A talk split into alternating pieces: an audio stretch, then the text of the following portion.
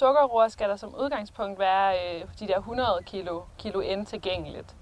Øhm, og så kan man sige, at vi plejer at sige, at, at man, hvis der ikke rigtig er noget øh, forfrugtsværdi, så grundgøder vi cirka med 80, og så kan man overveje øh, efter en minprøve i foråret, om man så skal køre 20-30 kilo ind ud øh, ved placeringen. På de lette jorder, der skal vi i hvert fald over et øh, reaktionstal på 6,5, og på de lidt tungere jorder, der er det omkring 7-7,5.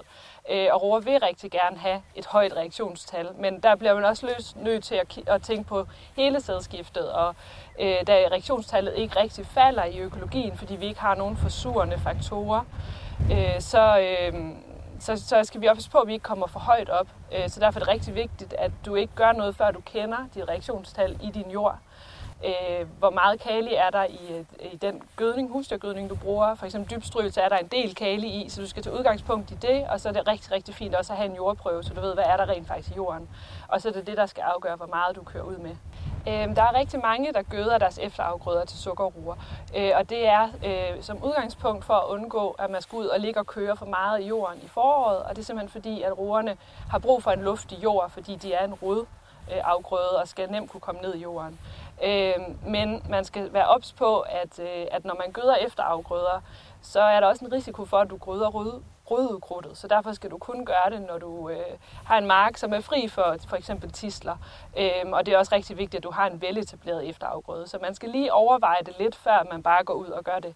Øh, men der er mange, der har succes med det. Roerne øh, er øh, en højværdiafgrøde, og derfor skal vi jo sørge for, at vi har en rigtig god forfrugt til roerne. Så det er en rigtig god idé at få øh, nogle kvælstoffikserende efterafgrøder i jorden inden roerne. Øh, og man kan faktisk være så heldig øh, at, at have op over 100 kilo N fra en øh, kvælstoffikserende efterafgrøde. Og hvis man så øh, giver den lidt gylde i, eller lidt gødning i efteråret, så har man faktisk en rigtig god forfrugt. Så behøver man måske slet ikke at gøde i foråret og skal ud med gyldevognen det vi kan placere med øh, som økologer, det er jo øh, organisk øh, gødning. Det kan være øgro eller vertikal binadan, som er sådan nogle øh, hønsegødningspiller.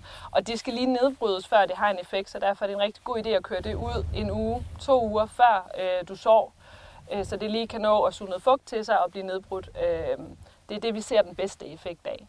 Og øh, når man så øh, gør det, så får vi faktisk en, øh, en øget udbytte på, det kan være helt op til et øh, ton sukker ekstra øh, per hektar ved at placere. Så det kan være en rigtig god idé, hvis man har den mulighed.